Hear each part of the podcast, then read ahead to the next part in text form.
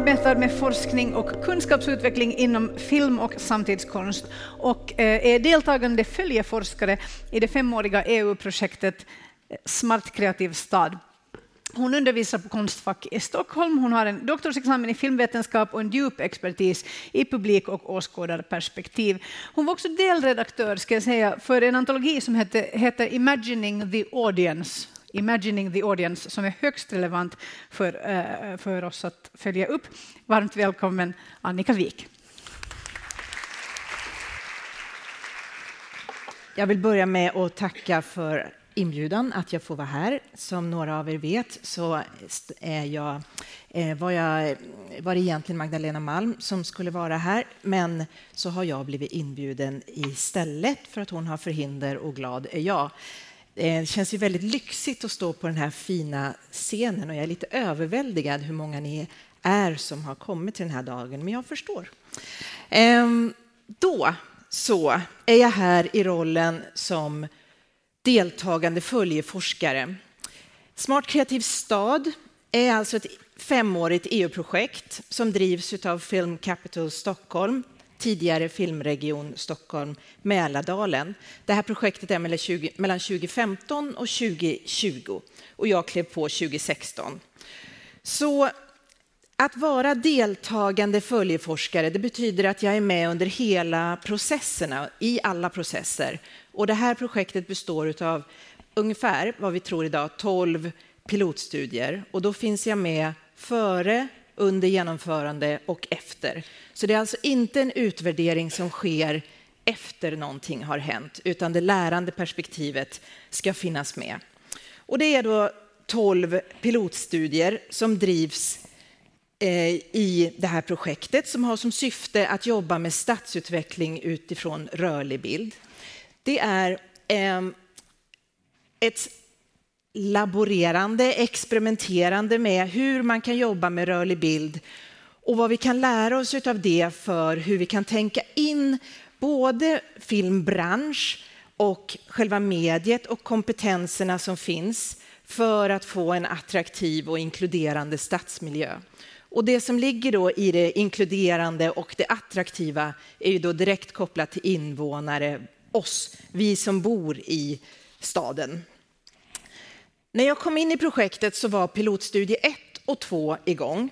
Och det första då, det var ehm, ett projekt som gjordes i samarbete med Akademi som var tillsammans med KTH och ett gäng studenter där som fick i uppdrag att göra en, en ehm, paviljong ehm, I det här projektet så finns det egentligen inte krav på att det ska vara publika aktiviteter. Men projektledarna och konstnärlig ledare Jessica eh, Helena Bresevic eh, har valt att satsa på det i alla fall. Men det, i pilotstudierna så är det väldigt många lager, det är komplext och laborerande och det är ju i, finns i det publika, men det är ibland eh, det kan vara svårt att urskilja i det publika eller man, beroende på var vi kommer ifrån så uppfattar vi olika mycket av det. Men i min roll så är det ju att få fram den där komplexiteten i utvärderingsarbete, i analys och hur resultat sprids sen, så som till exempel här. Ehm, den här studien var då ingången för nummer två, pilotstudie två, som heter Pop-up Cinema. Pop-up har nämnts här tidigare idag. Och ehm, här, det specifika här var att eh, det gjordes en utlysning där arrangörer, sådana som jobbar eh, eller vill jobba med film i stadsrummet, fick ansöka om hur de ville arrangera en pop-up-visning vart ville de vara? Hur ville de göra det? På vilket sätt tänkte de platsspecifikt, situationsspecifikt? En snabb ansökan var det och ett snabbt besked tillbaka till de tolv som fick göra de här olika pop-upperna i Stockholm. Ehm, och det som vi fick tillbaka då, det var ju att vi fick med armlängds avstånd så att säga in vad arrangörer ville göra, vilka analyser som de hade. Så eh, oavsett då, eh, i det var, nu ska vi se, vi skulle vara där en liten stund till. Eh, min roll var att vara på de olika tolv platser där det skedde filmvisningar sommaren 2016. Ett mycket behagligt jobb, uppdrag var det. Eh, och då kunde, vi, då kunde jag sammanställa och se vad blev det för typ av filmmaterial, vart ville man vara, hur gick man tillväga och på vilket sätt nådde man de som skulle titta på de här filmerna. Så om vi tar det här som exempel så är det ett projekt där man använde sig av paviljongen, där det visades filmer som var inspelade på Djurgården vid sekelskiftet och det mitt på turiststråket på väg ut mot Djurgården i Stockholm. Det här som är ett exempel av de här tolv då, i Jordbro, lokala filmskapare visade film på torget för boende i närområde. Eh, och syftet med platsen, eller eh, eventet, var att liksom skapa en väldigt hemtrevlig stämning så att man skulle få någon slags vardagsrumkänsla med mat och väldigt socialt rum. Eller här, en plats mitt i centrala Stockholm skulle vi kunna säga, Lilla Essingen, där analysen låg i det här är en plats, trots att det ligger mitt i stan, där det inte finns kultur. Vad händer om vi sätter upp och visar en film på bropelarna under Essingeleden och alla vägar som går där? Inte en ny film, utan Thelma och Louise, en klassisk film. Ja, 350 personer tog sina stolar och kom ut och tittade på den filmen, som alltså inte är en repertoarfilm. Så här kan vi fortsätta och fortsätta och det är egentligen inte de här, den här pilotstudien jag ska prata om, men jag vill nämna det för att mitt syfte idag är att prata om behovet av att samla in empiri och metodologi, eh, att liksom ha ett underlag så att vi inte uppfinner och uppfinner och uppfinner när vi pratar om publikfrågan. För att det har en tendens att bli eh, att vi undersöker den publiken som vi redan jobbar med. Och det här var ett sätt att försöka ha liksom en palett att titta på. Vad händer när andra arrangerar? Ifrån den här studien så har det sen kommit att ske ett, en rad olika fördjupningsarbete i de olika pilotstudierna. Och där är åskådarperspektivet ett av dem som har haft väldigt framträdande roll. Och nu är vi framme vid syftet att prata om de här tre studierna. Vi har här i Fisksätra som ligger utan, utanför Stockholm på väg um, um, längs en, ett, vad heter banan nu då? Ja, så heter den, Saltsjöbanan. Ehm, det här är kanske det längsta projektet vi hållit på med. Det fanns en lång historik, det fanns konstnärlig gestaltning på plats, det fanns mycket medborgardialog ehm, i grunden och det här projektet hakade i med ett otroligt komplext samarbets, ehm, eh, ja, samarbetssätt mellan kommun och plats och fastighetsägare, Fisksätra museum, Fisksätra värdar och så etc. etc, etc. Och här så var det utifrån dialog med de boende, vad vill ni se förändras i Fisksätra? Och det exemplet som jag kan ta då, det är att fontänen hade varit trasig väldigt, väldigt länge och det var en sån uppenbar sak som så många sa att vi behöver göra något åt den här trasiga, fula fontänen som bara står och ger liksom negativ energi här.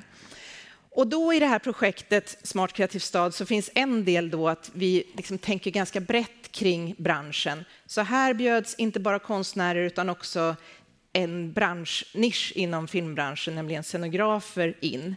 Så att det som hände sen var att eh, når, eh, vi valde ut, eller de valde ut såklart, eh, två projekt för varje gestaltning. Det skulle bli fyra, så det var två som valdes till fontänen, två till gångtunneln, två till bron och två till fasaden. Det här är nu realiserat på ett sätt så som blev så här att scenograferna Lena Edvall och Susanne Rolfs bidrag eller förslag som de, de fick skissarvode för att göra tillsammans med deras då, som de konkurrerade med. Deras förslag ställdes ut på Fisksätra bibliotek och det delades ut röstkort till samtliga boende i Fisksätra. Eh, det var tydligt att det digitala inte var en bra variant, utan det behövdes en en-till-en-kommunikation med röstkort till var och en. Man talar 126 olika språk. Det behövde lösas en rad saker för att den här röstningsprocessen skulle gå rätt till. Den här långa räckan av medborgardialog, försök att eh, experimentera eller pröva hur det funkade med röstning, den var en del av ett väldigt mycket större publikarbete som var här. Och uppföljning pågår, det håller på och tittar vidare på det här.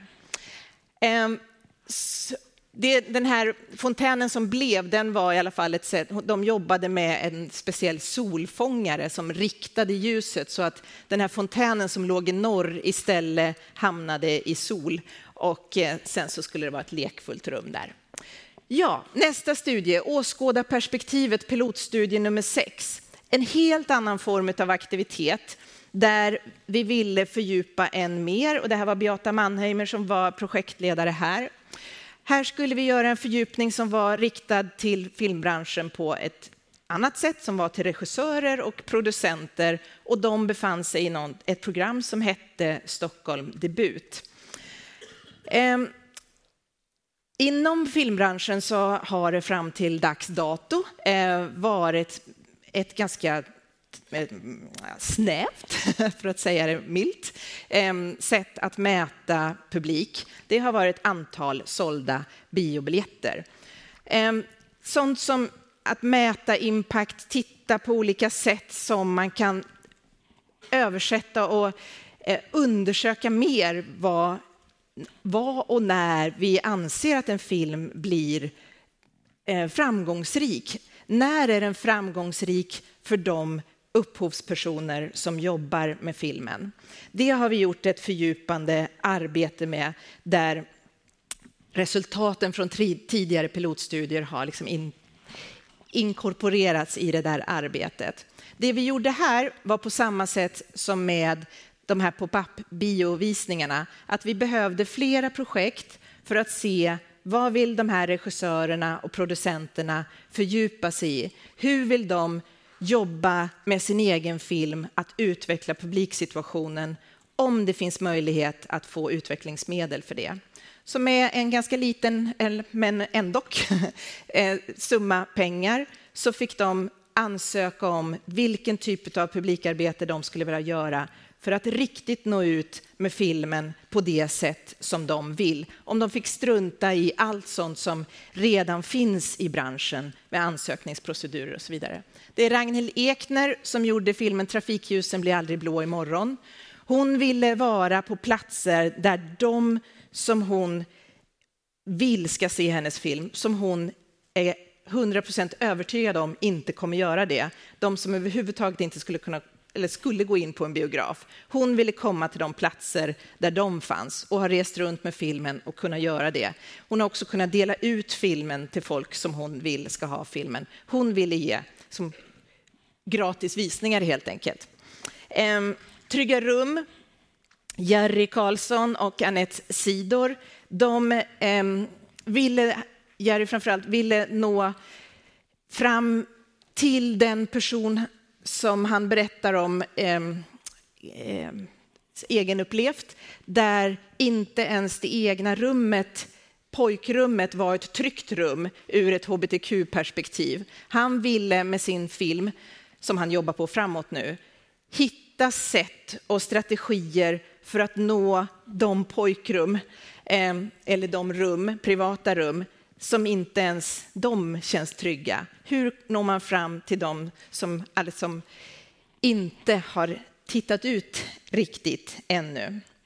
Silvana Imam, Anna Weitz, producent, hon ville göra en, en typ av fördjupande studier som bygger på statistik och impact som pågår mycket förändringar inom dokumentärfilmen, men där hon ville då möta publiken till filmen och jobba med enkäter, få stöd av Svenska Filminstitutet, vilket hon numera har, och man jobbar med statistiken till den här filmen för att se hur man kan utveckla ansökningsförfaranden som har med utvecklingsmedel för publikarbete att göra. Så, den tredje studien, Queer Bergman Cinemaoke, nummer åtta. Hur är det nu? Stadsutveckling sa jag i början där. Ja, vad, hur var, vad hamnar det nu med allt det här som jag har pratat om? Pop-up, ja, där var det aktivering som var nyckelord. Det skedde aktivering på en rad olika ställen som vi kan dra slutsatser av ur ett stadsutvecklingsperspektiv. Fisksätra, ett bostadsområde där vi har fått med oss, får med oss och fortfarande jobbar med vad vi hör från boende. Eh, åskådarperspektivet handlar om visningsstrategier, hur vi kan tänka eh, mätbarhet inom filmbranschen enligt nya strategier och då i förlängningen visningsstrategier för att visa film på olika sätt. Här då, Queer Bergman Cinemaoke, så var utmaningen att visa, eller snarare att göra någonting i Almedalen den här sommaren. Och då med stadsutveckling så var stadsrummet tänkt i bredare bemärkelse än att vi kom dit och visade film någonstans i Almedalen.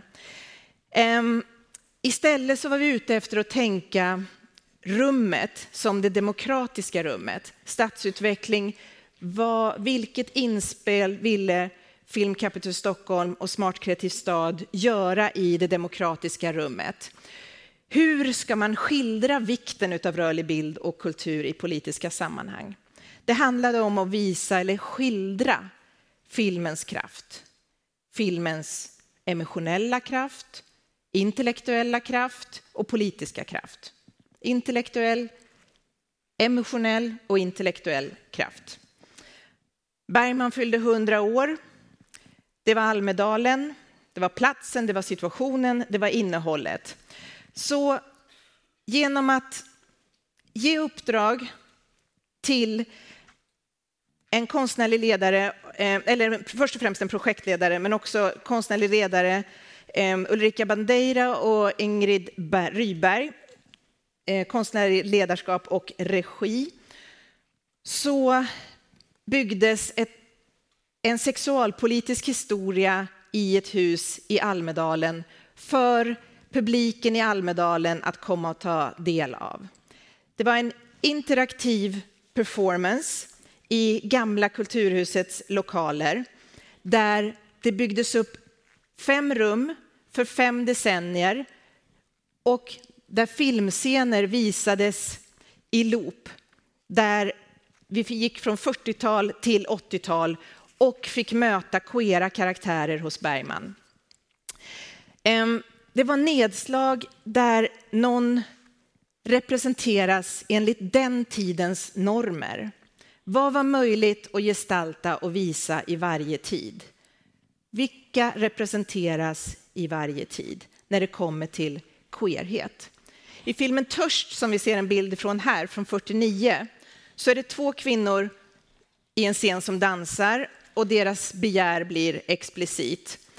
Och på ett censurkort som här är lite förstorat för att det är i publikt sammanhang så kan man läsa scenen klipps bort direkt efter dansen på grund av den homosexuella inviten. Ett censurkort förankrat i filmhistorien och för övrigt är klippet borta men det finns kvar i minnet. Så förankrat i forskning så gjordes den här interaktiva performanceföreställningen inviter Cinemaoki i den Bergmanska garderoben. Gestaltad av tio skådespelare, fenomenala, i fem olika scener. I huset så byggdes då en Eh, fantastisk scenografi med ljud och ljus som var mm, mm, ja, jättefint. Eh, ett så scenarbete som resulterade i, det var helt tomt från början. Och det här är då till exempel rummet där hets från 1944 utspelar sig. I det här interaktiva performance-formatet eh, så gjordes då extremt tydliga instruktioner för att publiken skulle känna sig trygg. Och jag vill knyta an till frågan som ehm, aktualiserades tidigare idag. Hur vet man ehm, det här mellan att vara en passiv eller aktiv besökare? Det finns ingen hierarki däremellan och det är min roll att försöka ta reda på hur upplevelsen har varit. Ibland får man reda på det direkt, ibland behöver jag kontakta människor en vecka senare. Vi vet inget vad som händer in i människor, men min metod är att befinna mig på plats, att vara som en av besökaren, någonting som jag har lånat en term som kallas passing by, att man är med och närvarar, samtalar eventuellt.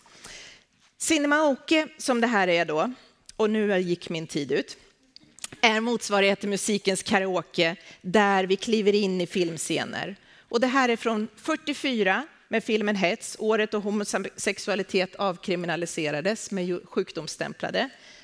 Törst 49 med censurkortet som då lästes upp i mörker mitt i den här scenen som loopas om och om igen. Persona 66, Marionetternas liv.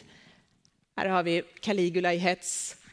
Här har vi en, um, en scen från Marionetternas liv som var uppdelad i två. Och sen så slutligen Fanny och Alexander, där Per Öhagens eh, fantastiska tolkning av farmor eh, gav oss hela historien. Med Maj som passade upp på oss och här fanns det då möjlighet att träffa Ismael eh, på vinden.